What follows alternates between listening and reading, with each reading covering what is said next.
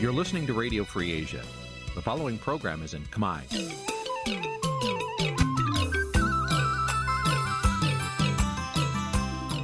Nǐ ជាកម្មវិធីផ្សាយ Vuthu Azizi Serai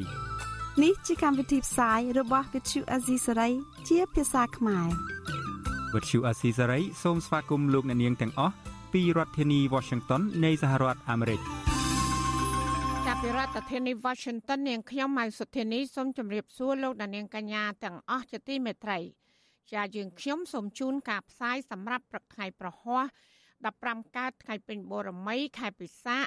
ឆ្នាំថោះបញ្ញស័កពុទ្ធសករាជ2566ហើយដល់ត្រូវនៅថ្ងៃទី4ខែសុភាគ្រិស្តសករាជ2023 ជាកិច្ចចាប់ផ្ដើមនេះនាងខ្ញុំសូមអញ្ជើញលោកអ្នកនាងកញ្ញាស្ដាប់ព័ត៌មានប្រចាំថ្ងៃដែលមានមេត្តា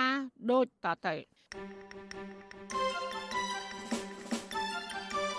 អ្នកជំនាញច្បាប់និងសិទ្ធិមនុស្សជំរុញរដ្ឋាភិបាលប្តឹងទៅអង្គការសហប្រជាជាតិករណីសមត្ថកិច្ចថៃយកច្រវាក់ចងពលករខ្មែរមេធាវីរបស់លោកថាច់សិដ្ឋាខកចិត្ត ចំពោះសេចក្តីសម្រេចរបស់តុលាការកំពូលមិនអោយលោកនៅក្រៅឃុំជនជាដើមភេតិគួយនៅខេត្តកំពង់ធំធ្លាក់ខ្លួនក្រីក្រនឹងធ្វើចំណាក់ស្រុកក្រោយពីអ្នកមានអំណាចរំលោភយកដីពួកគាត់តើក្រុមគ្រួសារឬមិត្តភ័ក្តិអាចធ្វើដោយម្ដេចខ្លះដើម្បីជួយអ្នកមានបញ្ហាសុខភាពផ្លូវចិត្តធ្ងន់ធ្ងររួមនឹងព័ត៌មានសំខាន់សំខាន់មួយចំនួនទៀត ការជាបន្តទៅទៀតនេះនាងខ្ញុំម៉ៃសុធានីសូមជូនព័ត៌មានទាំងនោះពឺស្ដាប់ចាលោកនាងជាទីមេត្រីអ្នកជំនាញធ្វើការងារផ្នែកច្បាប់និងសិទ្ធិមនុស្សជំរុញដល់អាជ្ញាធរឲ្យចាត់វិធានការជាក់លាក់រួមទាំងប្តឹងទៅអង្គការសហប្រជាជាតិផងករណីសមត្ថកិច្ចថៃចាប់ពលករខ្មែរដាក់ច្រវាក់ជាក្រុមក្រុម ទោះបីជារូបភាពដាក់ច្រវាក់នោះបានផ្សព្វផ្សាយប្រមាណកន្លះខែមកហើយបើតាមក្រសួងការបរទេសកម្ពុជាថាស្ថានទូតកម្ពុជាប្រចាំនៅប្រទេសថៃបានស្នើទៅក្រសួងការបរទេសថៃឲ្យធ្វើអន្តរាគមន៍ទៅអាជ្ញាធរថៃឈប់ដាក់ខ្នោះច្រវាក់ពលករខ្មែរនិងបញ្ជូនពលករខ្មែរដែលស្ថិតក្រោមការឃុំឃាំងរបស់ថៃនោះឲ្យត្រឡប់មកកម្ពុជាវិញក៏ប៉ុន្តែអ្នកច្បាប់និងសិទ្ធិមនុស្សចង់ឃើញកម្ពុជាចាត់វិធានការជួយដល់ពលករខ្មែរច្រើនជាងនេះ ចាប់ពីរដ្ឋធានី Washington លោកទីនសាការីយ៉ារាយការណ៍ព័ត៌មាននេះ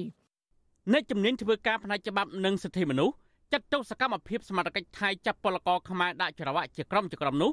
ជាតម្រង់នៃការធ្វើទរណកម្មនិងប្រមាថជាតិសាសន៍ហើយរដ្ឋាភិបាល មានកាតព្វកិច្ចចេញសេចក្តីថ្លែងការណ៍ប្រតិកម្មឆ្លើយតបទៅសមត្ថកិច្ចថៃឬប្តឹងទៅអង្គការសហប្រជាជាតិប្រធានកម្មវិធីប្រឆាំងការជួញដូរមនុស្សនិងទេសនប្រវេសនៃអង្គការសង្ត្រល់ លោកឌីថេហូយ៉ាមានប្រសាសន៍ថារូបភាពបរតខ្មែរជាប់ច្រវាក់ជាក្រុមនោះគឺជាសកម្មភាពដែលយោធាថៃចុះបង្ក្រាបអ្នករស់នៅក្នុងទីក្រុងបាងកកខុសច្បាប់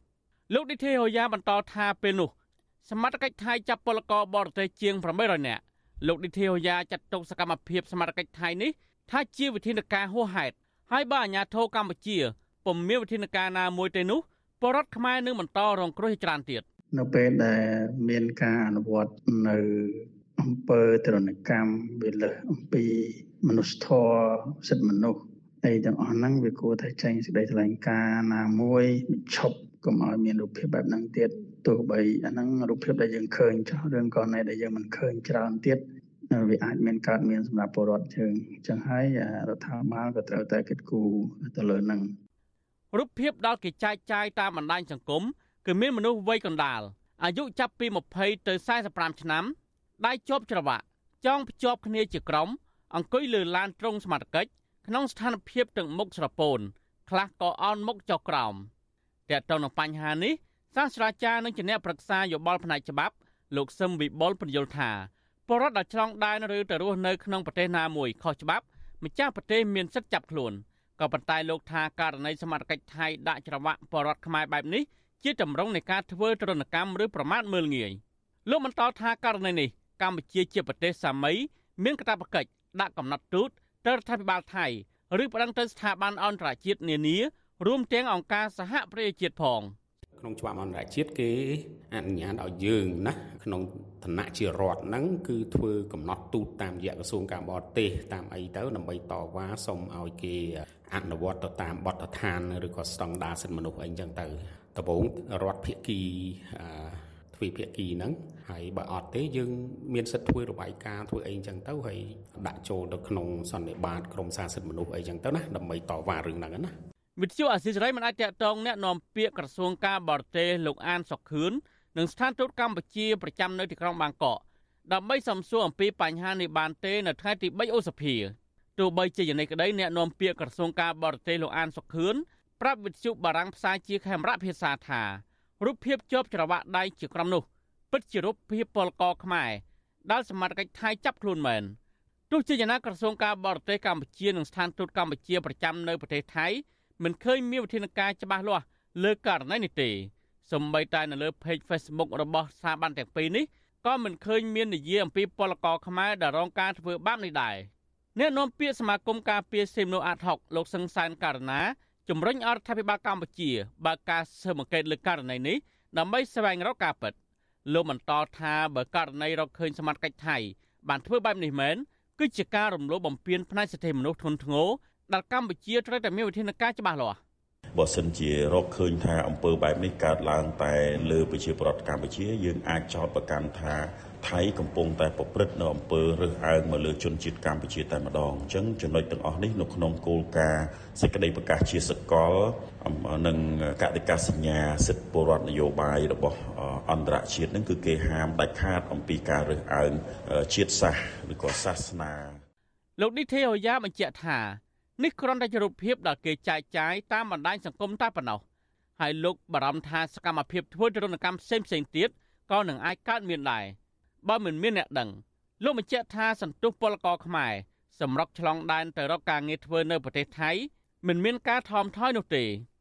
ទន្ទឹមនឹងបរដ្ឋជួបការលំបាកផ្នែកសេដ្ឋកិច្ចឬជាប់បំណុលកាន់តែច្រើនហើយធ្វើចំណាកស្រុកទៅរកការងារនៅប្រទេសថៃជាបន្តបន្ទាប់ទាំងប្រឈមនឹងគ្រោះថ្នាក់បែបនេះ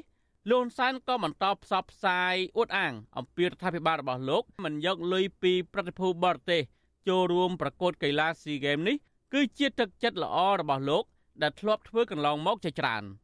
លោកបន្តថាបើកម្ពុជាជាប្រទេសមានទ្រព្យសម្បត្តិច្រើនលោកនឹងធ្វើល្អឲ្យបានច្រើនជាងនេះ ដើម្បីឲ្យពិភពលោកដឹង សម្រាប់កម្ពុជា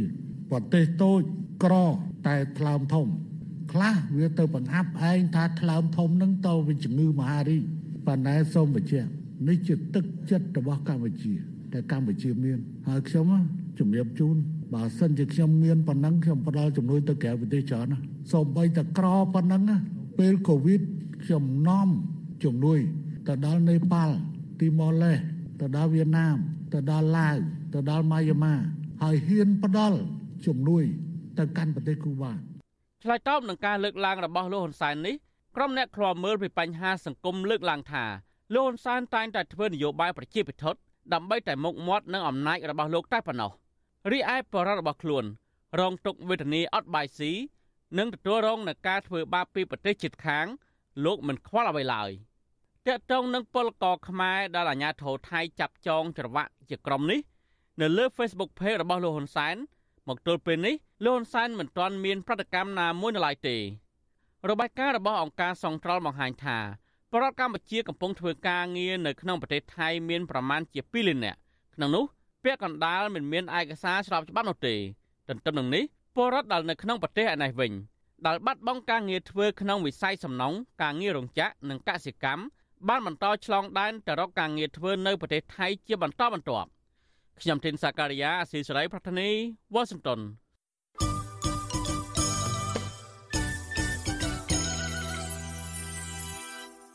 ចាលោកនានីជាទីមេត្រីដែលឡាយតាក់ទងនឹងគណៈបកភ្លើងទៀនវិញ តឡាការកម្ពុជាប្រកាសសាធិការកាលពីថ្ងៃទី3ខែសុភាម្សិលមិញ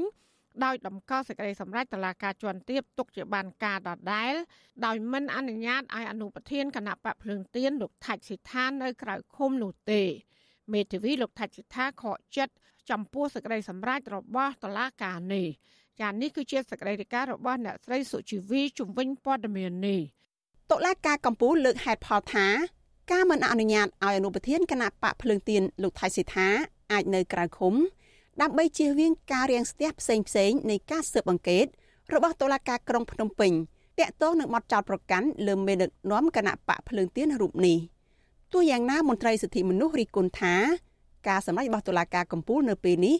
នឹងធ្វើឲ្យមានការរិះគន់ថាការបន្តឃុំខ្លួន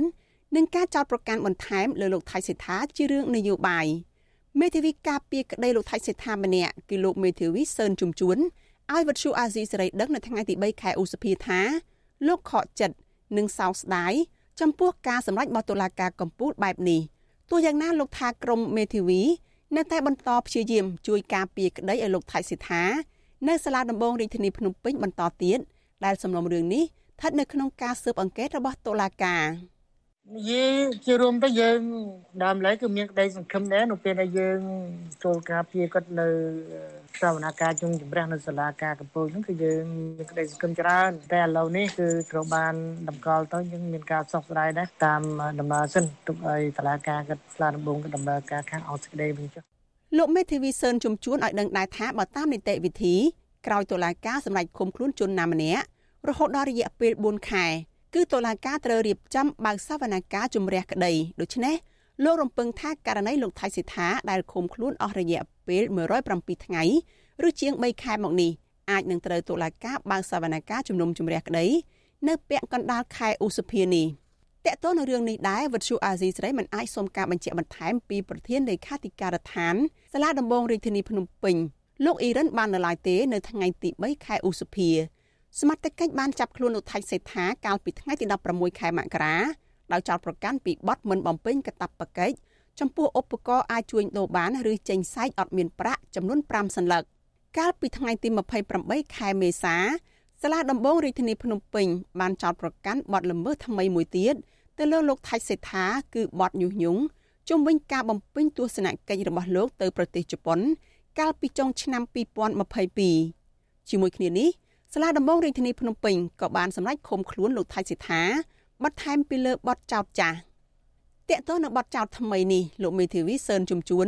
សូមមិនអត្ថាធិប្បាយទេដោយលោកមិនទាន់បានដាក់ពាក្យការពារក្តីជូនលោកថៃសិដ្ឋានៅក្នុងសំណុំរឿងនេះនៅឡើយទេតកតទៅរឿងនេះវិទ្យុអាស៊ីសេរី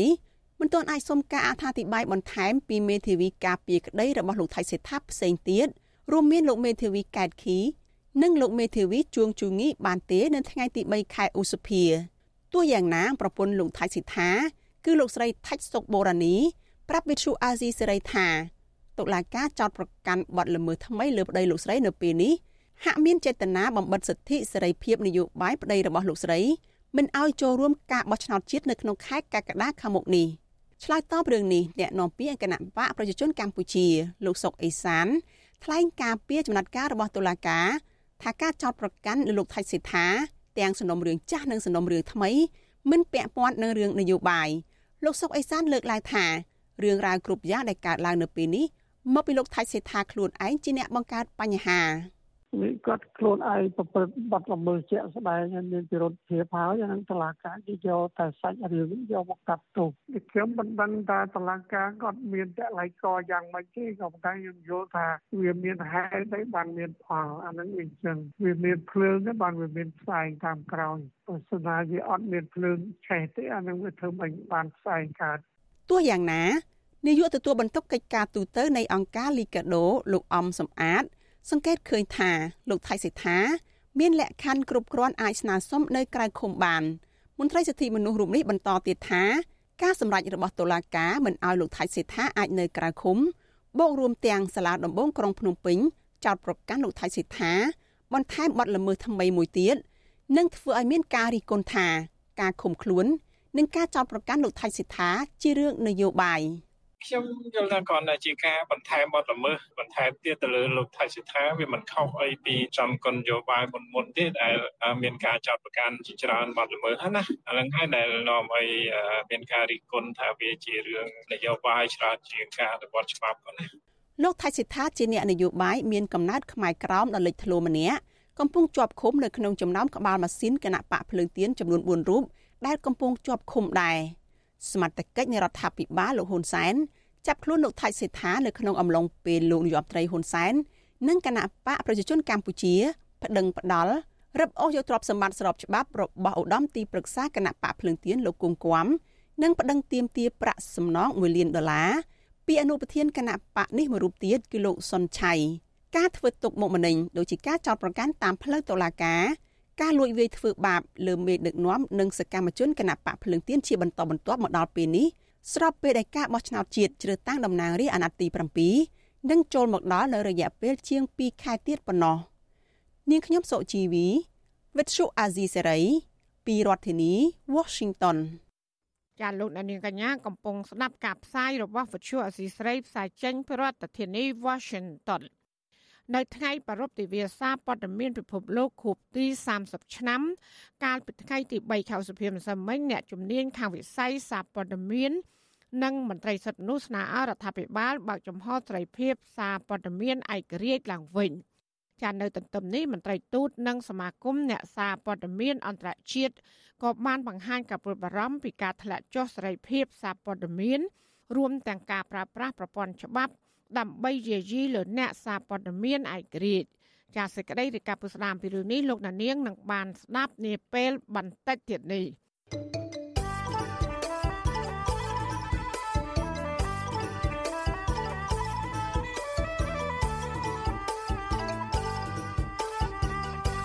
ចាលោកដានៀងជាទីមេត្រីក្រមយុវជនសកម្មជននិងបរិវត្តស្រឡាញ់ធម្មជាតិ បាននាំគ្នាបឯកាមិនប្រើប្រាស់ផលិតផលរបស់ក្រុមហ៊ុនអ្នកត្រីចឹងសុគន្ធធាវីដែលត្រូវជាកូនស្រីរបស់អ្នកត្រីចឹងសុភាពហើយយាយភូបន្ទាប់ពីប្រធានក្រុមហ៊ុនមួយនេះបានទទួលសិទ្ធិអភិវឌ្ឍលើតំបន់ឧទ្យានជាតិគិរីរម្យមន្ត្រីសង្គមស៊ីវិលគាំទ្រការធ្វើពហិការរបស់យុវជន ដើម្បីឲ្យរដ្ឋាភិបាលពិចារណាឡើងវិញពីផលប៉ះពាល់បរិស្ថាននិងធ្វើឲ្យបាត់បង់ប្រយោជន៍រួម។ ចាលោកនៅវណ្ណរិនរាយការណ៍ព័ត៌មាននេះដូចតទៅបាននិយាយពីការលុបបង្និងរំលោភដីរបស់ប្រជាពលរដ្ឋនោះគេនឹងនឹកឃើញដល់អ្នកស្រីជឹងសុភីបហើយយាយភូដែលស្និទ្ធស្នាលនឹងគ្រួសាររបស់លោកនាយករដ្ឋមន្ត្រីហ៊ុនសែនជាបុគ្គលដែលតែងតែទទួលបានដីសម្បត្តិឥតឈប់ឈរពីរដ្ឋាភិបាល។ យាយភូដែលមានគេឈ្មោះល្បីថាពាក់ព័ន្ធនឹងការរំលោភសិទ្ធិដីធ្លីរបស់ពលរដ្ឋនិងបំផ្លាញធនធានធម្មជាតិបានបន្តវេនទៅដល់កូនស្រីរបស់យាយភូគឺអ្នកស្រីជឹងសុគន្ធធាវីដែលទទួលបានដីសម្បត្តិនៅឧទ្យានជាតិគិរីរម្យជាង200ហិកតា នៅឆ្នាំ2022កន្លងទៅថ្មីថ្មីនេះ ក្រមយុវជន សកម្មជនបរិស្ថាន និងប្រជាពលរដ្ឋបាននាំគ្នាបង្ហោះសារធ្វើពហិការលើបណ្ដាញសង្គម Facebook ប្រងព្រាតដើម្បីទាមទារឲ្យរដ្ឋាភិបាលដកសិទ្ធិអភិវឌ្ឍលើដីឧទ្យានជាតិគិរីរម្យពីអ្នកស្រីជឹងសុគន្ធធាវីវិញ។ សកម្មជនចលនាមេដាធម្មជាតិកញ្ញាមានលីសាប្រាប់វិទ្យុអាស៊ីសេរីនៅថ្ងៃទី3ឧសភាថាកញ្ញាធ្វើពហិការនេះដោយសារតែកញ្ញាបារម្ភថាក្រុមហ៊ុនរបស់អ្នកស្រីជឹងសុគន្ធធាវីដែលជាកូនស្រីបង្កើតរបស់អ្នកស្រីជឹងសុភីបអាចនឹងដើរតាមគន្លងរបស់ម្ដាយខ្លួនដោយបង្កវិនាសកម្មព្រៃឈើនិងធ្វើឲ្យបាត់បង់ទេសភាពធម្មជាតិនៅក្នុងតំបន់ឧទ្យានជាតិគិរីរម្យ ការឆ្លើយតបរបស់រដ្ឋាភិបាលគឺនៅពេលដែលយើងខំនាំគ្នាស្រែកអញ្ចឹងវាទៅជាប្រទេសមួយដែលអត់យកច្បាប់ជាធំទេទៅជាតប្រជាពលរដ្ឋតែឬក៏ប្រជាពលរដ្ឋធ្វើការតវ៉ាបានមានការឆ្លើយតបបែបអញ្ចឹងវាទៅជាគ្មានទំនួលខុសត្រូវក្រុមហ៊ុនឯកជនភាគច្រើនអត់មានទំនួលខុសត្រូវទៀតសោតនៅពេលដែលធ្វើការពិវត្តកន្លែងណាមួយខ្លួនឯងនឹងអត់បញ្ជាក់ពីភាពស្អាតស្អំរបស់ខ្លួនឯងទេគឺបញ្ចេញនៅអាគោលបំណងខ្លួនឯងចង់ធ្វើអីនៅទីនោះហើយបញ្ចេញឲ្យច្បាស់ពីការវិតម្លៃប៉ះពាល់បរិស្ថានហ្នឹងគឺសំខាន់យុទ្ធនាការពហិការរបស់ក្រមយុវជន សកម្មជន និងប្រជាពលរដ្ឋនេះធ្វើឡើងបន្ទាប់ពីមានការផ្សព្វផ្សាយពីអនុក្រឹត្យរបស់រដ្ឋាភិបាល កាលពីខែមិថុនាឆ្នាំ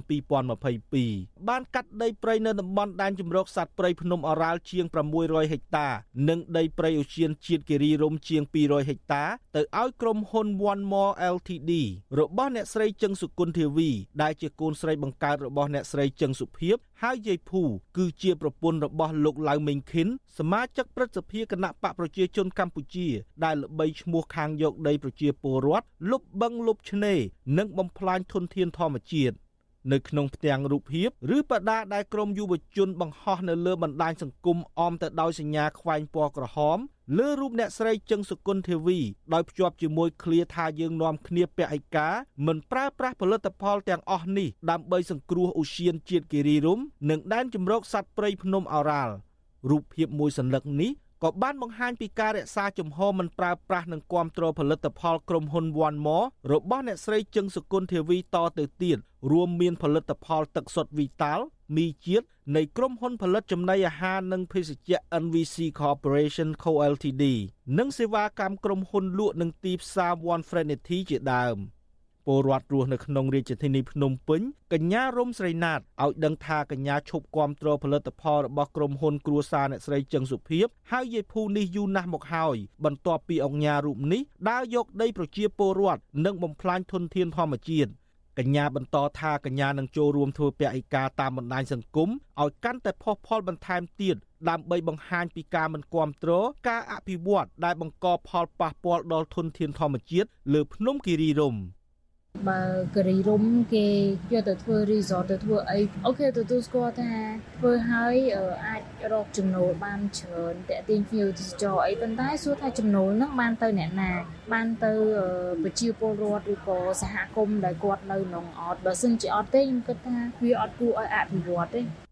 វិទ្យុអាស៊ីសេរីមិនអាចតាក់ទងប្រធានអង្គភិបអ្នកណែនាំពាក្យរដ្ឋាភិបាលលោកផៃស៊ីផាន និងអ្នកណែនាំពាក្យក្រសួងបរិស្ថាន លោកណេតភក្ត្រាដើម្បីសុំការបកស្រាយរឿងនេះបានទេនៅថ្ងៃទី3ខែឧសភាចំណែកតំណាងក្រុមហ៊ុន NVC ផលិតទឹកសុទ្ធ Vital និងក្រុមហ៊ុន One Frenity ក៏មិនអាចតាក់ទងសុំការឆ្លើយតបបានដែរ។ យុទ្ធនាការពហិការផលិតផលរបស់ក្រុមហ៊ុន One More Group នៅពេលនេះស្រដៀងទៅនឹងពហិការការប្រើប្រាស់ផលិតផល និងសេវាកម្មរបស់ក្រុមហ៊ុនលោកអុកញ៉ាលេងនវត្ត្រាកាលពីខែសីហាឆ្នាំ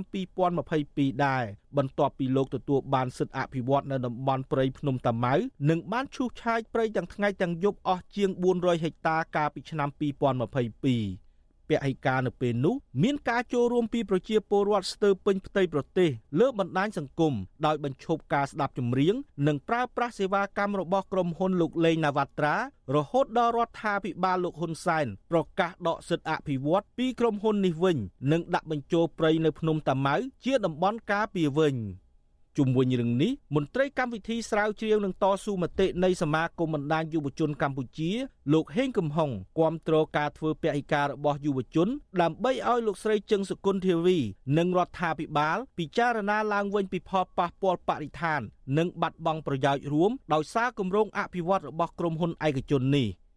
យើងឃើញថាអ្នកដែលទទួលបាននឹងមិនមែនជាពលរដ្ឋក្រីក្រមិនមែនជាទម្រង់សម្បត្តិសង្គមកិច្ចទេគឺជាទម្រង់មួយដែលកាត់ទៅឲ្យក្រុមអ្នកមានលុយមានកាក់ស្រាប់ដើម្បីជាឱកាសពួកគេអភិវឌ្ឍដើម្បីប្រមូលបានទុនធានខ្លះជាអ្នកមានបានបន្តទៀតណានេះជារឿងមួយដែលធ្វើឲ្យយើងអត់យល់អំពីគោលបំណងពិតប្រាកដនៃការជំរុញឲ្យមានការអភិវឌ្ឍនោះដែរ ភ្នំគិរីរម្យមានទីតាំងស្ថិតនៅក្នុងឃុំចំបក់ស្រុកភ្នំស្រួចខេត្តកំពង់ស្ពឺត្រូវបានកំណត់ឲ្យក្លាយជាតំបន់ឧទ្យានជាតិដោយសម្ដេចព្រះបរមរតនកោដ្ឋនរោត្តមសីហនុកាលពីឆ្នាំ1993និងសម្ពោធដាក់ទៅជាឧទ្យានជាតិព្រះសុរាម្រិតកុសមៈកាលពីខែមិថុនាឆ្នាំ1995ដើម្បីរក្សាទុកជាតំបន់អភិរក្សធម្មជាតិ ឧទ្យានជាតិដែលមានផ្ទៃដីជាង30000ហិកតានេះបានកំណត់ឲ្យមានការថែរក្សាធនធានធម្មជាតិនិងបម្រើឲ្យវិស័យទេសចរដោយមិនឲ្យខូចខាតដល់បរិស្ថាននោះឡើយ។ក្រមយុវជននិងសកម្មជនបរិស្ថាន រំពឹងថារដ្ឋាភិបាលរបស់លោកហ៊ុនសែននឹងពិចារណាលើបញ្ហានេះប្រសិនបើមានការចូលរួមពហិការឲ្យបានផុសផុលពីប្រជាពលរដ្ឋដោយករណីនៅភ្នំតាម៉ៅ ខ្ញុំបាទនៅវណ្ណរិនវិទ្យុអាស៊ីសេរីពីរដ្ឋធានី Washington ចាលោកនាងកញ្ញាកំពុងស្ដាប់ការផ្សាយរបស់វិទ្យុអាស៊ីសេរីផ្សាយចេញពីរដ្ឋធានី Washington ដំណើរគ្នានឹងស្ដាប់ការផ្សាយរបស់វិទ្យុអស៊ីសេរីតាមបណ្ដាញសង្គម Facebook និង YouTube លោកអ្នកនាងកញ្ញាក៏អាចស្ដាប់ការផ្សាយរបស់វិទ្យុអស៊ីសេរីតាមរលកធាតុអាកាសខ្លីឬ Short Wave តាមកម្រិតនិងកម្ពស់ដូចតទៅចាប់ពេលព្រឹកចាប់ពីម៉ោង5កន្លះដល់ម៉ោង6កន្លះតាមរយៈប៉ុស SW 12.14 MHz ស្មើនឹងកម្ពស់ 25m ចាប់ប៉ុស AW 13.71 MHz ស្មើនឹងកម្ពស់ 22m ចាសម្រាប់ពេលយប់វិញចាប់ពីម៉ោង7កន្លះដល់ម៉ោង8កន្លះ តាមរយៈប៉ុស SW 9.33 MHz ស្មើនឹងកម្ពស់ 32m ប៉ុស SW 11.88 MHz ស្ស្មើនឹងកម្ពស់ 25m និងប៉ុស AW 12.14 MHz ស្មើនឹងកម្ពស់ 25m ចាសសូមអរគុណចាលោកអ្នកស្ដាប់ជាទីមេត្រីពាក់ព័ន្ធនឹងបញ្ហាផ្លូវចិត្តវិញ អ្នកជំនាញសុខភាពឲ្យដឹងថាភាពតានតឹងក្នុងចិត្តឬការថប់អារម្មណ៍និងបញ្ហាធ្លាក់ទឹកចិត្តបណ្ដាលឲ្យប៉ះពាល់ធ្ងន់ធ្ងរដល់សុខភាពដូចជាជំងឺបេះដូងបញ្ហាគេងមិនលក់មានអារម្មណ៍ក្រៀមក្រំកាត់ទុកជានិច្ចអស់សង្ឃឹមក្នុងការរស់នៅនិងចង់ធ្វើអត្តឃាតជាដើមតើឪពុកម្ដាយឬមិត្តភ័ក្តិអាចមានវិធីណាខ្លះដើម្បីជួយដល់អ្នកមានបញ្ហាសុខភាពផ្លូវចិត្តធ្ងន់ធ្ងរ ចាសសេចក្តីរាយការណ៍ពីស្ដាមពីរឿងនេះលោកណានៀងក៏នឹងបានស្ដាប់នាពេលបន្តិចទៀតនេះ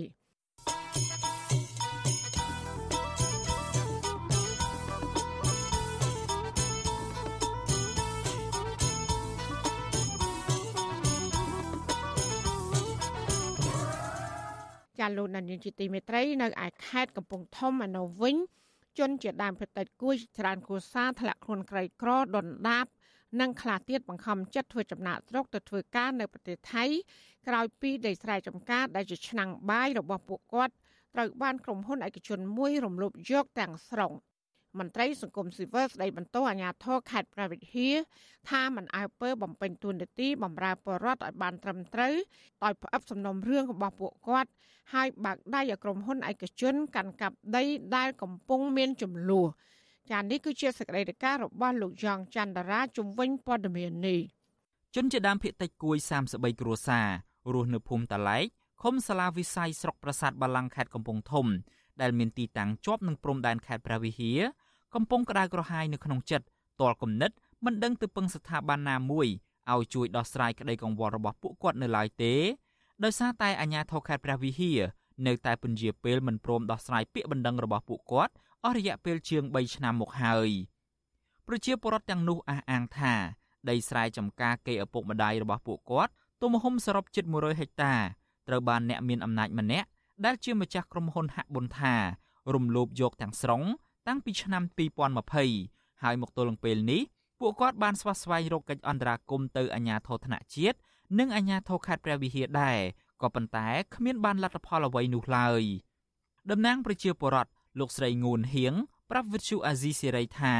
ពេលនេះអ្នកភូមិកំពុងលំបាកវេទនាមួយកម្រិតទៀតដោយសារតែគ្មានដីដាំដុះចិញ្ចឹមជីវិត ហើយពួកគាត់ភ័យច្រើន បង្ខំចិត្តដើរធ្វើកម្មករគេដើម្បីចិញ្ចឹមក្រពះរីឯប្រជាពលរដ្ឋខ្លះទៀតលោកស្រីថាជំពាក់បំណុលធនាគារហើយត្រូវធនាគាររឹបអូសផ្ទះសម្បែងលោកស្រីងួនហៀងប្រាប់វិទ្យុអាស៊ីសេរីបន្ថែមថាមកទល់នឹងពេលនេះមានប្រជាពលរដ្ឋ7គ្រួសារហើយ បានបង្ខំចិត្តធ្វើចំណាក់ស្រុកទៅធ្វើការនៅប្រទេសថៃដើម្បីរកប្រាក់ដោះស្រាយបំណុលដោយទុកកូនកូនផ្ញើនឹងបងប្អូន។ ពេលយើងមានដីធ្វើអាស្រ័យផលដូចជាស្រូវអីទៅលងឲ្យទីទួយទៅយើងអាចដល់យើងធ្វើយើងធ្វើពីឈ្នួលចូលគាត់គេបានចំណូលដូចទិញហូបទិញអីខ្លះខ្លះពេលឥឡូវនេះវាអត់គេរែកពីឈ្នួលគេរហូតដល់គ្រូចាវាយ៉ាប់មែនទែនបាត់អឺខ្វះខាតផងណាមួយទៅសុំអន្តរាគមណាមួយទៅស៊ីឈ្នួលគេយកលុយមកចិញ្ចឹមកូនក្រុមគ្រួសារគាត់ទៅស៊ីឈ្នួលគេនៅអីប៉ុពេតឲ្យមកវិញគេយកឈូអស់ទៅគាត់អស់លីងដីស្រែនឹងឯងសំបីក៏ដីផ្ទះគាត់មានដែរ ប្រជាពលរដ្ឋឲ្យដឹងថាចាប់តាំងពីលោកស្រីកែវលក្ខិណាត្រូវជាប្រពន្ធរបស់អុកញ៉ាហាក់ប៊ុនថារំលោភយកដីស្រែចម្ការរបស់ជនជាតិដើមភាគតិច33គ្រួសារទំហំសរុបជាង70ហិកតា តាំងពីឆ្នាំ2020មកនៅសល់តែជនជាតិដើមភាគតិចគួយ22គ្រួសារប៉ុណ្ណោះដែលតស៊ូមតិនិងវិច្ចបង្វិច្ចដើរស្វែងរកយុត្តិធម៌ជាង3ឆ្នាំមកនេះអ្នកភូមិខ្លះមានបញ្ហាផ្លូវចិត្តដោយសារតែខឹងសម្បានឹងទង្វើរបស់អាជ្ញាធរឬអាងជនជាតិដើមភាគតិច និងមិនជួយទប់ស្កាត់ក្រុមហ៊ុនឈូបំផ្លាញផលដំណាំរបស់ពួកគាត់ចំណែកប្រជាពលរដ្ឋមួយចំនួនទៀតពួកគាត់កំពុងជាប់បណ្ដឹងនៅតុលាការដោយសារតែចេញមុខការពីដីធ្លីនេះឯងលោកស្រីងួនហៀងបារម្ភថាបញ្ហាដីធ្លីនេះធ្វើឲ្យប្រជាពលរដ្ឋរងភាពអយុត្តិធម៌ជាច្រើននិងលំបាកវេទនាសពគ្រប់បែបយ៉ាងប៉ះពាល់ដល់អនាគតរបស់កុមារជាច្រើនអ្នកដោយពួកគាត់បង្ខំចិត្តបោះបង់ចោលការសិក្សាដើម្បីជួយរកប្រាក់ចំណូលផ្គត់ផ្គង់គ្រួសារ លោកស្រីបន្ថែមថាប្រជាពលរដ្ឋអស់សង្ឃឹមនៅក្នុងការស្វែងរកយុត្តិធម៌ករណីនេះដោយត្រូវចំណាយពេលនិងថវិកាច្រើនដើម្បីឡើងទៅដាក់ញត្តិនៅភ្នំពេញវិទ្យុអាស៊ីសេរីមិនទាន់អាចតាក់ទងសុំការបំភ្លឺរឿងនេះពីម្ចាស់ក្រុមហ៊ុនហាក់ប៊ុនថាគឺលោកស្រីកែវលក្ខណាបាននៅឡើយទេ នៅថ្ងៃទី3ខែឧសភាចំណែកអ្នកនាំពាក្យសាលាខេត្តព្រះវិហារលោកយងកំហឿងវិញក៏វិទ្យុអាស៊ីសេរីមិនទាន់អាចសុំការបំភ្លឺបាននៅឡើយដែរនៅថ្ងៃដដែលនេះ ដោយទូរស័ព្ទហៅចូលតែពុំមានអ្នកទទួលការប្តឹងផ្តល់ករណីនេះកើតមានឡើងក្រោយពីក្រុមហ៊ុនហាក់ប៊ុនថា បានរំលោភយកត្រពាំងទឹកទីទួលបុរាណទឹកអូធម្មជាតិព្រៃរបស់ជំរកសត្វព្រៃដីចំការវិលជុំនិងដីកសិកម្មរបស់អ្នកភូមិហើយបច្ចុប្បន្នដីតំបន់នោះត្រូវបានអ្នកស្រីកែវលក្ខណាគ្រប់គ្រងស្ទើរតែទាំងស្រុងជាង3ឆ្នាំមកហើយរីឯដើមឈើធំធំរាប់រយដើម ដុះនៅតំបន់ទួលបុរាណដែលជនជាដើមភាគតិចគួយថែរក្សាតាំងពីដូនតារៀងមកនោះក៏ត្រូវបានក្រុមហ៊ុនកាប់បំផ្លាញអស់ទាំងស្រុងដែរកន្លងទៅអ្នកភូមិបានសំពះអង្វរនៅចំពោះមុខកម្មកររបស់លោកស្រីកែវលក្ខិណាឲ្យបញ្ឈប់ការឈូសឆាយផលដំណាំ នៅលើដីចំការរបស់ពួកគាត់អ្នកភូមិថាមកទល់នឹងពេលនេះសូម្បីតែវាលស្មៅចិញ្ចឹមគោក្របីក៏បាត់បង់អស់ដែរ ខ្ញុំសូមកជប់ជួសងាស្រុកខ្ញុំទៅសូមកខ្ញុំក៏យ៉ាងមិនក៏ដូចអត់ជប់ទេលោកអើយលោកសូមកខ្ញុំសូមកទៅបីទៅបីខ្ញុំសូមកមិនក៏ដូចជុំវិញរឿងនេះនាយកប្រតិបត្តិអង្គការពន្លកខ្មែរលោកប៉ាក់សុភ័ណ្ឌសង្កេតឃើញថាអញ្ញាធរខេត្តព្រះវិហារខ្វះការទទួលខុសត្រូវទៅលើសុខុមាលភាពរបស់ជនជាតិដើមភាគតិចដែលពឹងផ្អែកទៅលើដីធ្លីនិងធនធានធម្មជាតិដើម្បីចិញ្ចឹមជីវិត លោកថាពួកគាត់ហាក់ទាល់ច្រកនិងអស់ជំនឿទៅលើអាញាធរដោះស្រាយករណីនេះទើបបង្ខំចិត្តចាកចោលស្រុកកំណើតយើងធ្វើឲ្យពលរដ្ឋក្តៅក្រហាយមួម៉ៅខ្លាំងហើយក្នុងគណៈពេលដែលការរៀបចំបោះឆ្នោតជាតិចិត្តខិតមកដល់នេះគួរតែរាជរដ្ឋាភិបាលយកចិត្តទុកដាក់ទៅលើទំនាស់ឬក៏ចំនួនដែលកើតឡើងចាស់ចាស់ទាំងប្រមាណហ្នឹងបាទតំណាងប្រជាពលរដ្ឋឲ្យដឹងថា កាលពីមិនទាន់មានវត្តមានក្រុមហ៊ុនចូលទៅវិនិយោគនៅតំបន់នោះនៅមុនឆ្នាំ2012ជនជាដើមភាគតិចរស់នៅដោយសុខសានសម្បូរព្រៃឈើនិងបឹងអូសម្បូរត្រីព្រមទាំងមានដើមឈើធំធំព័ទ្ធជុំវិញភូមិកំណើតរបស់ពួកគាត់ក៏ប៉ុន្តែក្រោយពីមានវត្តមានក្រុមហ៊ុនទ្រីភិបនិងក្រុមហ៊ុនហាក់ប៊ុនថាចូលទៅវិនិយោគនៅទីនោះព្រៃឈើត្រូវបានគេកាប់បំផ្លាញអស់ទាំងស្រុងคล้ายទៅជាវាលរហោឋានជាច្រើនម៉ឺនហិកតាដោយមានផ្នែកខ្លះ មានដើមកៅស៊ូនិងដំណាំកសិកម្មផ្សេងទៀតខ្ញុំយ៉ងច័ន្ទដារាវិទ្យុអាស៊ីសេរី Washington ាលោកដានីជាទីមេត្រីក្នុងឱកាសនេះដែរនាងខ្ញុំសូមថ្លែងអំណរគុណដល់លោកដានីកញ្ញាទាំងអស់ដែលតែងតែមានភក្ដីភាព ចំពោះការផ្សាយរបស់យើងហើយចាត់ទុកការស្ដាប់វិទ្យុអសីសេរី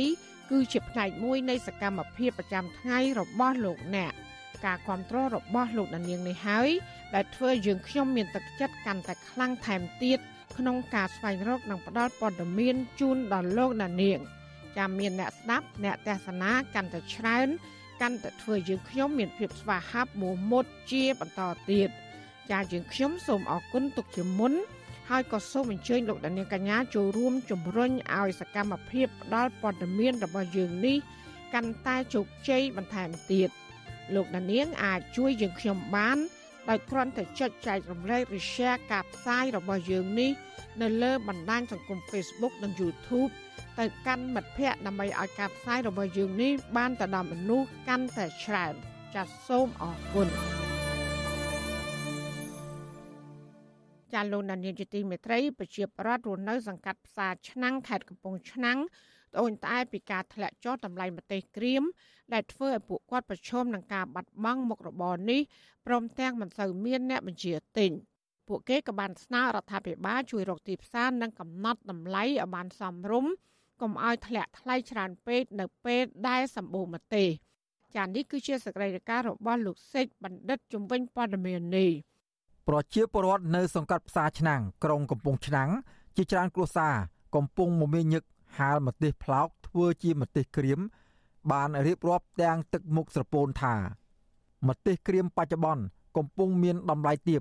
ធ្វើឲ្យអាជីវករមួយចំនួនប្រឈមមុខនឹងការបោះបង់មុខរបរមួយនេះ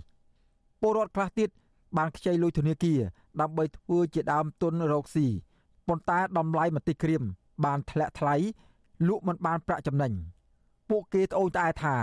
តម្លៃម្ទេសក្រៀមឆ្នាំនេះខុសគ្នាពីតម្លៃឆ្នាំមុន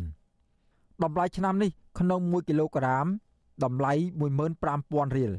សម្រាប់ម្ទេសក្រៀមដែលបានឆ្អើររួចពលកាលពីឆ្នាំមុន ពួកគេលក់បានតម្លៃ1គីឡូ35000រៀលក្នុងទឹកមុខក្រៀមក្រំ អ្នកស្រីប៊ុននីត្អូញត្អែប្រាប់បទសុអសីស្រីថាអ្នកស្រីរកស៊ីមុខរបរនេះជាង10ឆ្នាំមកហើយហើយពេលនេះជាលើកទី1ហើយដែលតម្លៃម្ទេសក្រៀមបានធ្លាក់ថ្លៃខ្លាំង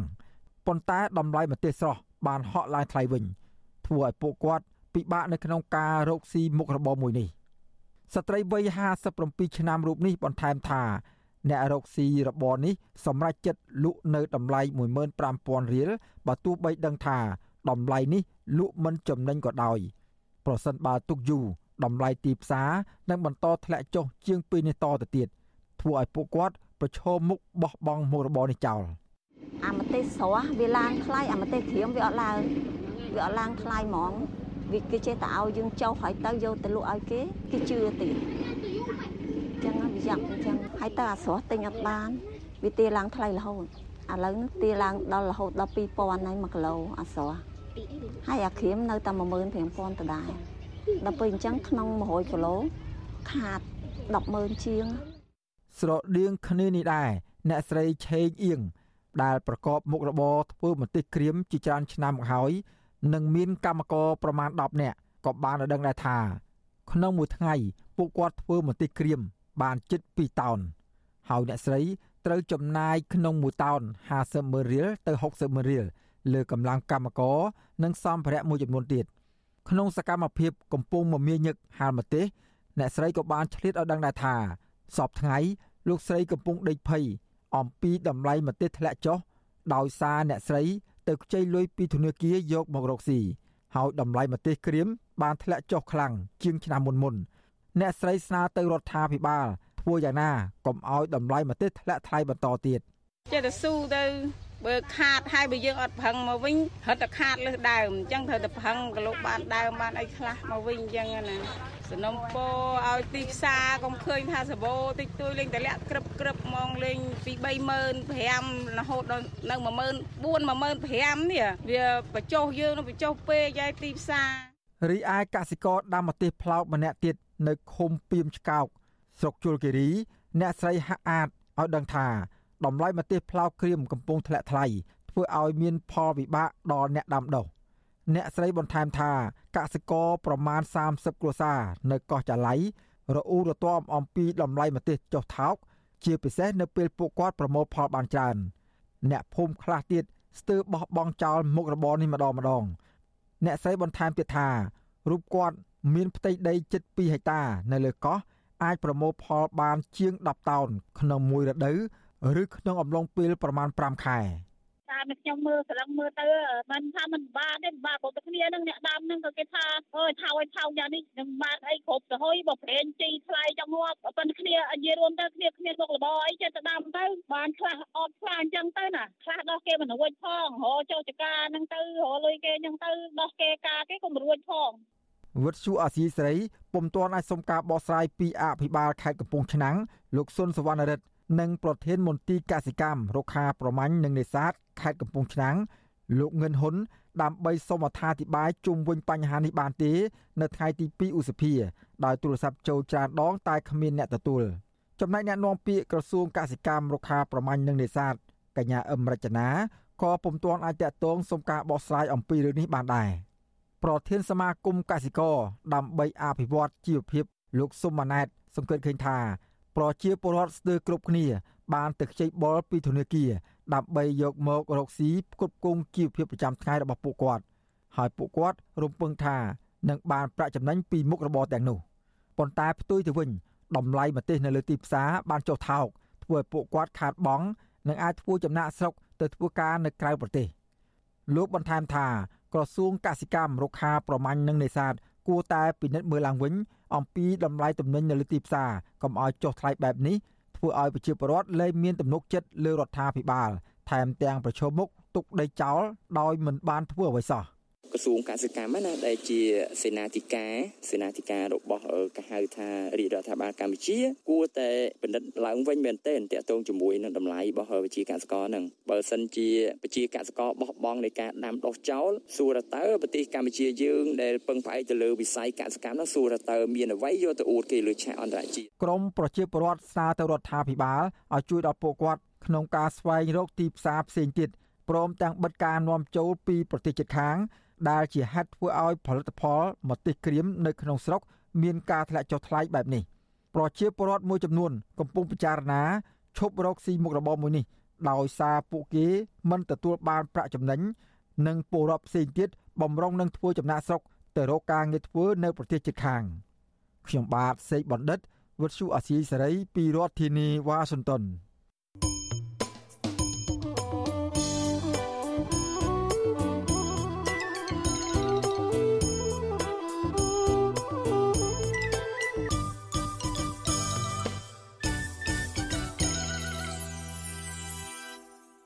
ចាលោកដានៀងជាទីមេត្រី នៅថ្ងៃប្រពៃទិវាសារព័ត៌មានពិភពលោកខួបទី30ឆ្នាំកាលពីថ្ងៃទី3ខែឧសភាម្សិលមិញអ្នកជំនាញខាងវិស័យសារព័ត៌មាននិងមន្ត្រីសិទ្ធិមនុស្សស្នើឲ្យរដ្ឋាភិបាលបើកចំហសេរីភាពសារព័ត៌មានឯករាជ្យឡើងវិញនៅទន្ទឹមនេះអង្គទូតនិងសមាគមអ្នកសារព័ត៌មានអន្តរជាតិក៏បានបង្ហាញការព្រួយបារម្ភពីការធ្លាក់ចុះសេរីភាពសារព័ត៌មាន រួមទាំងការប្រើប្រាស់ប្រព័ន្ធច្បាប់ដើម្បីយាយីលើអ្នកសារព័ត៌មានឯករាជ្យចាប់ពីរដ្ឋធានី Washington អ្នកស្រីសុជីវីរាយការណ៍ពុស្ដាជំវិញព័ត៌មាននេះការស្នើជាថ្មីរបស់អ្នកជំនាញនេះធ្វើឡើងគណៈសេរីភាពសារព័ត៌មាននៅកម្ពុជាត្រូវបានគេមើលឃើញថាកាន់តែរួមតូចជាងមុនបន្ទាប់ពីមានការបិទវិទ្យុសម្លេងប្រជាធិបតេយ្យ VOD កាលពីខែកុម្ភៈនាយកប្រតិបត្តិនៃសម្ព័ន្ធអ្នកសារព័ត៌មានកម្ពុជាហៅកាត់ថាកម្ពុជា លោកណុកវីលើកឡើងថាការបើកលំហឲ្យមានសេរីភាពសារព័ត៌មាននឹងអាចលើកកម្ពស់សេរីភាពបញ្ចេញមតិដែលជាសសរស្តម្ភសំខាន់នៅក្នុងដំណើរការរីកលូតលាស់នៃលទ្ធិប្រជាធិបតេយ្យប៉ុន្តែលោកបន្តថាការធ្លាក់ចុះនៃសេរីភាពសារព័ត៌មាននៅកម្ពុជាចាប់តាំងពីឆ្នាំ2017មកនិងការបិទវិទ្យុសម្លេងប្រជាធិបតេយ្យ VOD នៅពេលថ្មីៗនេះបានធ្វើឲ្យកាន់តែរួមតូចចង្អៀតបន្ថែមទៀតក្នុងការផ្តល់ព័ត៌មានឯករាជ្យពីក្រមប្រជាពលរដ្ឋងាយរងគ្រោះ ដើម្បីជំរុញឲ្យមានការទទួលខុសត្រូវនិងយុត្តិធម៌នៅក្នុងសង្គមប្រព័ន្ធផ្សព្វផ្សាយឯករាជ្យរុញមន្ត្រីដែលមានអំណាចឲ្យមានការទទួលខុសត្រូវសង្គមកាន់តែខ្ពស់វាគឺជាកត្តាចាំបាច់បំផុតដើម្បីធ្វើឲ្យមានកំណែទម្រង់ស៊ីជម្រៅនៅក្នុងសង្គមសម្រាប់បានជោគជ័យការអភិវឌ្ឍប្រកបដោយចីរភាពនិងពិបាកសម្រេចបាន ប្រសិនបើរាជរដ្ឋាភិបាលមិនអាចឆ្លើយតបសេចក្តីត្រូវការ និងដោះស្រាយបញ្ហារបស់ប្រជាពលរដ្ឋងាយរងគ្រោះបាននោះទេ ជាពិសេសគឺការធានាបាននៅលំហសេរីភាពសារព័ត៌មានការលើកឡើងនេះធ្វើនៅក្នុងពិធីប្រពៃទិវាសេរីភាពសារព័ត៌មានពិភពលោកលើកទី30នៅថ្ងៃទី2ខែឧសភានៅក្នុងសន្តាគារ Hyatt ដែលរៀបចំឡើងដោយក្រុមអង្គការសង្គមស៊ីវិលនិងសមាគមអ្នកសារព័ត៌មាននិងមានអ្នកចូលរួមជាយុវជនតំណាងស្ថានទូតជាពិសេសអ្នកសារព័ត៌មានប្រហែល200នាក់ ការប្រពៃនេះធ្វើឡើងមុនមួយថ្ងៃខណៈពិភពលោកនិងប្រពៃទិវាសេរីភាពសារព័ត៌មានក្រោមប្រធានបទការកំណត់អនាគតនៃសិទ្ធិសេរីភាពនៃការបញ្ចេញមតិជាកម្លាំងចលករនៃសិទ្ធិមនុស្សដទៃទៀតនៅថ្ងៃទី3ខែឧសភាឯកអគ្គរដ្ឋទូតសហភាពអឺរ៉ុបប្រចាំនៅកម្ពុជា អ្នកស្រី Carmen Moreno លើកឡើងដែរថាក្នុងរយៈពេល1ឆ្នាំចុងក្រោយនេះគេសង្កេតឃើញការថយចុះជាលំដាប់នៃសេរីភាពសារព័ត៌មាន និងសេរីភាពបញ្ចេញមតិនៅទូទាំងពិភពលោកក្នុងនោះរួមទាំងនៅកម្ពុជាផងដែរលោកស្រីបន្តថាពិភពលោកកំពុងទទួលរងការរីករាលដាលនៃព័ត៌មានមិនពិតនិងការផ្សាយពីព័ត៌មានដែលនាំឲ្យមានការរើសអើងលោកស្រីបន្តថាការពៀសេរីភាពសារព័ត៌មានការពៀប្រព័ន្ធផ្សព្វផ្សាយប្រកបដោយវិជ្ជាជីវៈពហុនិយមនិងឯករាជ្យគឺមានន័យថាសិទ្ធិមនុស្សទាំងអស់ត្រូវបានការពារ Without free and pluralistic media ប្រសិនបើគ្មានប្រព័ន្ធផ្សព្វផ្សាយសេរី និងពហុនិយម ប្រជាពលរដ្ឋនឹងមិនអាចទទួលបានព័ត៌មានដែលពួកគេត្រូវការដើម្បីសម្រេចចិត្តនៅក្នុងការជ្រើសរើសនយោបាយមួយដែលត្រឹមត្រូវនោះទេបើគ្មានប្រព័ន្ធផ្សព្វផ្សាយសេរីឯករាជ្យនិងពហុនិយមកណន័យភាពរបស់រដ្ឋាភិបាល និងនីតិរដ្ឋនឹងត្រូវចុះខ្សោយយ៉ាងធ្ងន់ធ្ងរ ចំណែកនាយកប្រចាំតំបន់អាស៊ីប៉ាស៊ីហ្វិកនៃសហព័ន្ធអ្នកសារព័ត៌មានអន្តរជាតិហៅកាត់ថា IFJ អ្នកស្រី Jane Worth Washington លើកឡើងដែរថាអ្នកសារព័ត៌មានជួយផ្សព្វផ្សាយបំភ្លឺនៅរឿងរ៉ាវសំខាន់ៗដែលពេលខ្លះត្រូវបានអ្នកមានអំណាចព្យាយាមលាក់កំបាំងលោកស្រីបន្តថានៅខណៈពេលដែលមានការសម្លាប់អ្នកសារព័ត៌មានបានថយចុះប៉ុន្តែការចាប់ចងនិងការចោទប្រកាន់លើអ្នកសារព័ត៌មានបានកើនឡើងយ៉ាងខ្លាំងជាពិសេសនៅក្នុងតំបន់អាស៊ីប៉ាស៊ីហ្វិក អ្នកស្រីបញ្ជាក់ថាចិនជាប្រទេសជាប់ចំណាត់ថ្នាក់កំពូលក្នុងបញ្ជីជាអ្នកចាប់ចងអ្នកសារព័ត៌មានច្រើនបំផុតនៅលើពិភពលោកគឺមានចំនួន84នាក់និងតាមពីក្រោយយ៉ាងប្រកៀកដោយមីយ៉ាន់ម៉ាឬភូមាដែលកំពុងចាប់ចងអ្នកសារព័ត៌មាន64នាក់អ្នកស្រីបន្ថែមថាឥឡូវនេះសហព័ន្ធអ្នកសារព័ត៌មានអន្តរជាតិ IFJ កំពុងជំរុញឲ្យបង្កើតអនុសញ្ញាអន្តរជាតិពិសេសមួយ ស្ដីពីសវត្ថភាព និងឯករាជ្យភាពរបស់អ្នកសារព័ត៌មាន Why because we believe that in the current international legal framework ដោយសារតែយើងជឿជាក់លើក្របខ័ណ្ឌច្បាប់អន្តរជាតិបច្ចុប្បន្នគ្មានបទដ្ឋានណាដែលជាប់ពាក់ព័ន្ធក្នុងការបង្កើតកិច្ចការពារសុវត្ថិភាពដល់បុគ្គលិកប្រព័ន្ធផ្សព្វផ្សាយជាពិសេសនោះទេ ជាគោលការណ៍អ្នកសារព័ត៌មាន ដែលរាយការណ៍ពីតំបន់ចំនួនទទួលបានអត្ថប្រយោជន៍ពីកិច្ចការពារដូចគ្នា ដែលផ្ដល់ដោយច្បាប់មនុស្សធម៌អន្តរជាតិដល់ជនស៊ីវិល ប៉ុន្តែអនុសញ្ញាទីក្រុងឈឺណៃបច្ចុប្បន្នដែលបានបង្កើតឡើងកាលពីឆ្នាំ1949មិនបានទទួលស្គាល់ថាអ្នកសារព័ត៌មានប្រឈមនឹងហានិភ័យកាន់តែច្រើនបើប្រៀបធៀបទៅនឹងជនស៊ីវិលដទៃទៀតនោះឡើយ when compared to other civilians ពាក់ព័ន្ធនឹងវិស័យសារព័ត៌មាននៅកម្ពុជាត្រូវគេមើលឃើញថាកាន់តែរួមតូចក្តីប៉ុន្តែអ្នកនាំពាក្យក្រសួងព័ត៌មានលោកមាសភ័ណ្ឌបញ្ជាក់ថា សេរីភាពសារព័ត៌មាននៅកម្ពុជានៅតែមានលក្ខណៈល្អប្រសើរដូចដើមទោះយ៉ាងណាលោកប្រមានថាការបិទវិទ្យុ VOD គឺជាមេរៀនមួយសម្រាប់ស្ថាប័នសារព័ត៌មានផ្សេងទៀតនៅកម្ពុជាដែលជាវត្ថុមួយដែលអនុវត្តមិនបានត្រឹមត្រូវទៅតាមក្រមសីលធម៌វិជ្ជាជីវៈមិនអនុវត្តឲ្យបានត្រឹមត្រូវទៅតាមច្បាប់លិខិតបទដ្ឋានគតិយុត្តដែលមានជាធរមានពុំមែនជាការសម្លាប់សិទ្ធិសេរីភាពសារព័ត៌មាននៅកម្ពុជាផ្ទុយទៅវិញ គឺជាការពញ្ញាក់ស្មារតីឲ្យអង្គភាពសារព័ត៌មានទាំងអស់ត្រូវតែទទួលខុសត្រូវចំពោះវិជ្ជាជីវៈរបស់ខ្លួនត្រូវតែទទួលខុសត្រូវចំពោះការអនុវត្តទូនីតិភារកិច្ចរបស់ខ្លួនយ៉ាងនេះក្តីនាយិកាមជ្ឈមណ្ឌលសិទ្ធិមនុស្សកម្ពុជាអ្នកស្រីច័កសុភីបលើកឡើងថាការបិទប្រព័ន្ធផ្សព្វផ្សាយឯករាជ្យជាបន្តបន្ទាប់បានធ្វើពលរដ្ឋនៅតាមទីជនបទត្អូញត្អែពីការបាត់បង់ឱកាសទទួលបានព័ត៌មានគ្រប់ជ្រុងជ្រោយហើយគណៈបកនយោបាយមួយចំនួន ពុំទទួលបានឱកាសដើម្បីផ្សព្វផ្សាយពីគោលនយោបាយរបស់ខ្លួនអ្នកស្រីយល់ថាលោកយមត្រីហ៊ុនសែនគួរតែបើកវិទ្យុ VOD ឲ្យដំណើរការឡើងវិញនៅថ្ងៃប្រពៃទិវាសិទ្ធិសេរីភាពសារព័ត៌មានពិភពលោកនេះនាយករដ្ឋមន្ត្រីលោកអាចពិចារណាដោយក្តីមេត្តាដោយចិត្តករុណាព្រោះកន្លងមកយើងឃើញហើយករណីច្រើនណាស់គឺនាយករដ្ឋមន្ត្រីពាក់ព័ន្ធនឹងគណៈបកនយោបាយទៅសូវលិខិតសុំទោសឡើងជារដ្ឋលេខាធិការឡើងជាអនុរដ្ឋលេខាធិការ ចុះ VOD តើបានប្រព្រឹត្តបទល្មើសស្អីចាកន្លែងនេះខ្ញុំស្នើសុំថាដើម្បីធានានៅសេរីភាពសារព័ត៌មាននាយករដ្ឋមន្ត្រីស្ថាប័នពាក់ព័ន្ធគួរតែពិនិត្យឡើងវិញចំពោះការសម្រេចចិត្តរបស់ខ្លួនសេចក្តីប្រកាសព័ត៌មានរបស់មជ្ឈមណ្ឌលសិទ្ធិមនុស្សកម្ពុជាចេញផ្សាយនៅថ្ងៃទី26ខែមេសាឲ្យដឹងថានៅចន្លោះពីថ្ងៃទី1ខែកញ្ញាឆ្នាំ2021ដល់ថ្ងៃទី31ខែសីហាឆ្នាំ2022មានអ្នកសារព័ត៌មានចំនួន20នាក់ ត្រូវបានគេយាយីតាមផ្លូវតុលាការដោយសារតែការបំពេញការងាររបស់ពួកគេ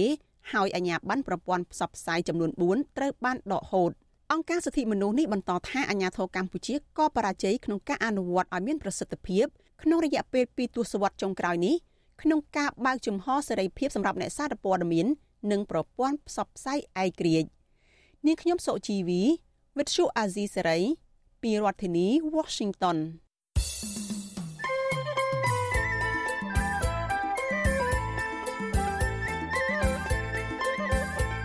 នេតិសុខភាព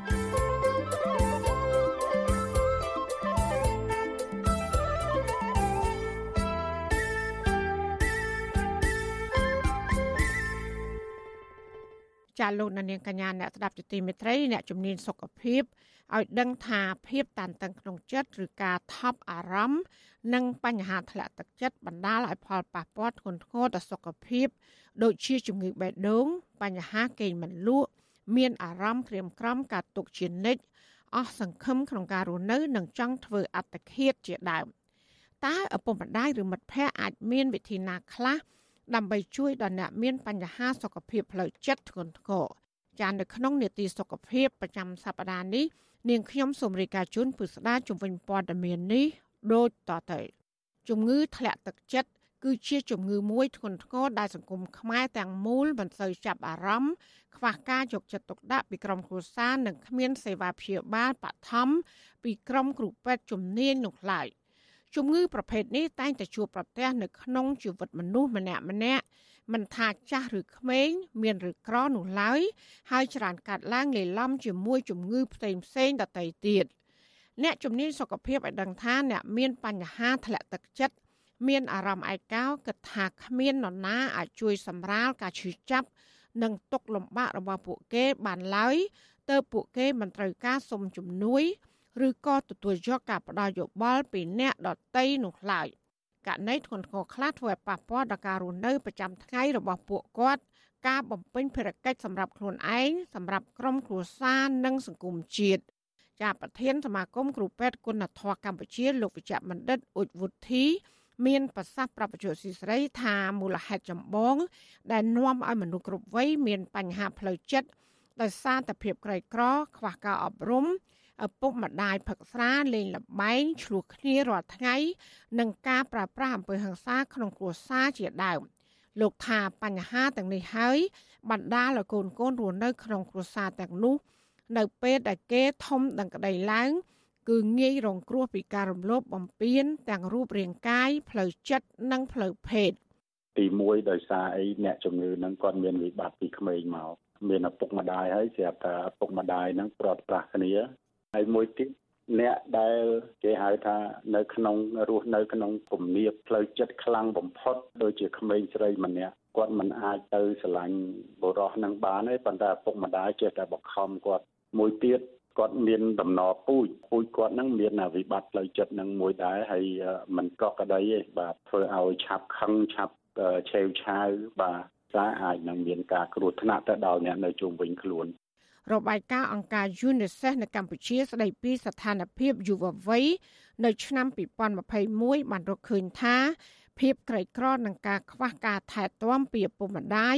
គឺជាមូលហេតុនាំមុខគេដែលបង្កឲ្យមានបញ្ហាសុខភាពផ្លូវចិត្ត ហើយការនិយាយជាមួយមិត្តភ័ក្តិគឺជាវិធីល្អមួយ ដើម្បីដោះស្រាយភាពតានតឹងក្នុងចិត្តក៏ប៉ុន្តែពួកគេភ័យខ្លាចចំពោះការនិយាយជាមួយមិត្តភ័ក្តិដោយសារបារម្ភពីការមាក់ងាយនិងការរើសអើងរបាយការណ៍ដដែលបន្តថាបញ្ហាសុខភាពផ្លូវចិត្តលើកុមារនិងយុវវ័យរួមមានជំងឺថប់អារម្មណ៍ជំងឺភ័យខ្លាចជំងឺ stress ឬតឹងតែងផ្លូវចិត្តនិងជំងឺធ្លាក់ទឹកចិត្តឬក៏បាក់ទឹកចិត្តជាដើម ភាពតានតឹងក្នុងអារម្មណ៍កម្រិតតិចតួច និងក្នុងរយៈពេលខ្លីគឺជារឿងធម្មតាក៏ប៉ុន្តែប៉ះសិនបើមិនចេះរកវិធីដោះស្រាយឲ្យបានត្រឹមត្រូវទេនោះបញ្ហាផ្លូវចិត្តកាន់តែមានសភាពធ្ងន់ធ្ងរជាហេតុធ្វើឲ្យសុខភាពផ្លូវកាយកាន់តែទ្រុឌទ្រោមនិងកើតជំងឺដំកាត់ជាច្រើនផ្សេងទៀតបន្ថែមពីនេះករណីជំងឺផ្លូវចិត្តធ្ងន់ធ្ងរខ្លាំងដោយមិនទទួលបានសេវាព្យាបាលទាន់ពេលវេលា នោះអាចបណ្ដាលយុវវ័យធ្វើអត្តឃាតដូចជាការប្រើថ្នាំលេបចងកឬលោតសម្រាប់ខ្លួនពីលើស្ពានជាដើម ក្នុងរបបបល័យពុទ្ធសាសខ្មែរក្រហម មនុស្សចន្លោះពី1លាន7សែនទៅ2លាននាក់បានស្លាប់ក្រោមរូបភាពនៃការធ្វើការហួសកម្លាំងការបង្អត់អាហារការធ្វើទរណកម្មនិងការយកទៅសម្លាប់ពីបទចោតប្រកាន់ផ្សេងផ្សេងក្រោយពីរបបខ្មែរក្រហមប៉ុលពតមក ប្រជាប្រដ្ឋខ្មែរភាគច្រើនមានបញ្ហាសតិអារម្មណ៍និងបញ្ហាផ្លូវចិត្តធ្ងន់ធ្ងរដែលបន្សល់ទុករហូតមកដល់បច្ចុប្បន្នចាលោកវិជ្ជបណ្ឌិតអ៊ុចវុធីកត់សម្គាល់ថាបរដ្ឋខ្មែរខ្លះនៅតែបន្តមានចរិតខូខើយងខ្នងគ្មានសិលធម៌ត្រឹមត្រូវប្រើប្រាស់គ្រឿងញៀននិងសេពសារាជាច្រើនដែលជាមូលហេតុនាំឲ្យបាត់បង់ស្មារតីនិងហ៊ានប្រព្រឹត្តអំពើខុសខើដោយមិនបានពិចារណាម៉ត់ចត់ យើងមើលស្រុកខ្មែរឃើញច្រើនណាសម្រាប់គ្នាកាត់ក្បាលកាត់អីលេងស្លាប់ប្រពន្ធបាញ់ប្រពន្ធបាញ់ប្តីឃើញស្អីក៏មានស្រុកខ្មែរយើងឃើញកន្លែងហ្នឹងហើយដែលសង្គមយើងទួណាដែលយើងរៀបអ្នកដែលចេះណែនាំមនុស្សទាំងអស់ហ្នឹងកុំឲ្យកាចសាហាវដោយសម័យពលពតពួកខ្ញុំបានឆ្លងកាត់សម័យពលពតខ្ញុំមានវិបត្តិផ្លូវចិត្តដែរគេវាយធ្វើបាបបាទ79នៅជាមួយគេគេវាយចងអត់ឲ្យបាយហូបហើយគេប្រើពាក្យមួយម៉ាត់គេថា ចិញ្ចឹមឯងអត់ប្រយោជន៍ចិញ្ចឹមជ្រូកមានតម្លៃជាងបានសាច់លក់ខ្ញុំឈឺចាប់ពេលដែលនិយាយខ្ញុំស្រកទឹកភ្នែកលោកវិជ្ជបណ្ឌិតអ៊ុចវិធីណែនាំឪពុកម្ដាយត្រូវយកចិត្តទុកដាក់ពិនិត្យតាមដាននិងសង្កេតពីអាកប្បកិរិយាប្រែប្រួលរបស់កូនកូនដូចជាចូលចិត្តអង្គុយសញ្ជប់សញ្ជឹងមិនសូវនិយាយស្ដីកិច្ចវេះពីគេឯងឬក៏សំងំនៅក្នុងបន្ទប់ដោយមិនបានចេញក្រៅទាល់តែសោះ បន្ថែមពីនេះក៏មិនបានប្រស្រ័យតាក់ទងជាមួយមិត្តភ័ក្តិនិងសមាជិកក្រុមគ្រួសារជាដើមលោកថាពុកម្ដាយនិងអាណាព្យាបាលត្រូវតែយកពេលវេលាជជែកជាមួយកូនកូនដោយសម្រួល និងលើកទឹកចិត្តកូនកូនឲ្យនិយាយប្រាប់ពីអារម្មណ៍របស់ពួកគេ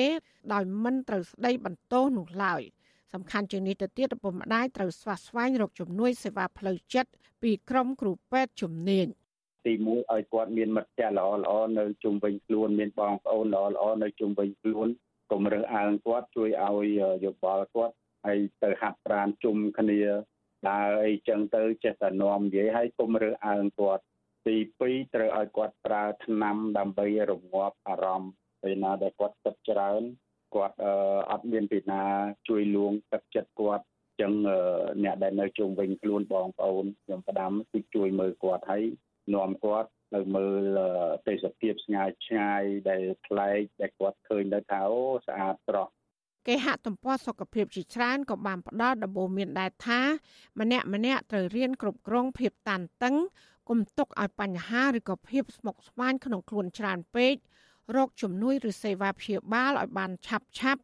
គេងឲ្យបានគ្រប់គ្រាន់ហាត់ប្រាណឲ្យបានទៀងទាត់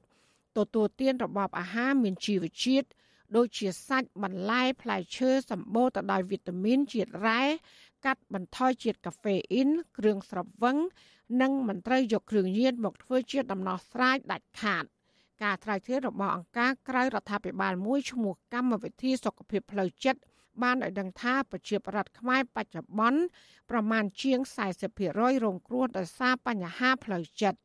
បញ្ហាសុខភាពផ្លូវចិត្តនេះ គឺជាបន្ទុកធ្ងន់ធ្ងរដល់សង្គមកម្ពុជាបច្ចុប្បន្នដែលកើតឡើងទ្វេដងនៅក្នុងចំណោមអ្នកក្រីក្របន្ថែមពីនេះកម្ពុជា នៅមានបញ្ហាខ្វះខាត នៅមជ្ឈមណ្ឌលសុខភាពផ្លូវចិត្តនិងគ្រូពេទ្យជំនាញចិត្តសាស្ត្រដើម្បីព្យាបាលនិងផ្ដល់ដំបូន្មានដល់អ្នកជំងឺផ្លូវចិត្ត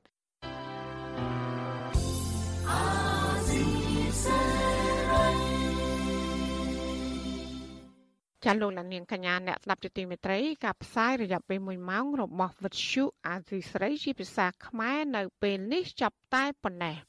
ចាយើងខ្ញុំទាំងអស់គ្នាសូមជូនពរលោកលានាងនិងក្រុមគ្រួសារទាំងអស់សូមជួបប្រកបតែនឹងសេចក្តីសុខសេចក្តីចម្រើនជានិរន្តរ៍ចានាងខ្ញុំម៉ៃសុធានីព្រមទាំងក្រុមការងារទាំងអស់របស់អាស៊ីស្រីសូមអរគុណនិងសូមជម្រាបលា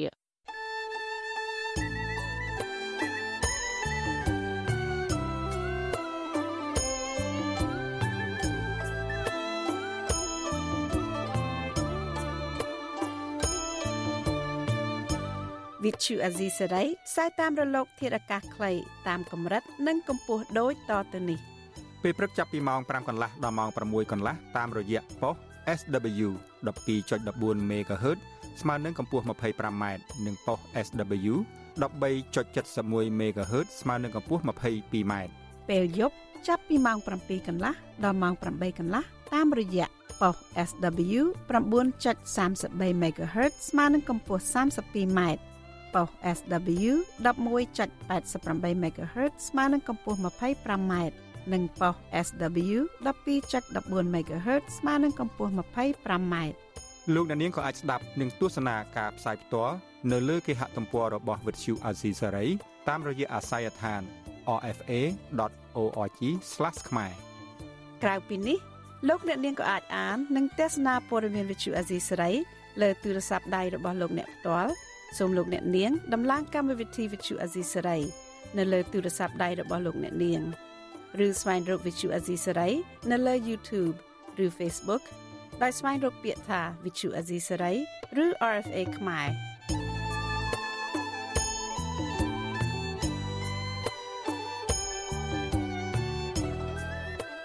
សូមលោកអ្នកនាងចុច like follow និងចុច subscribe ដើម្បីទទួលបានព័ត៌មានថ្មីៗទាន់ហេតុការណ៍ និងទស្សនាវីដេអូផ្សេងៗទៀតបានគ្រប់ពេលវេលា thank you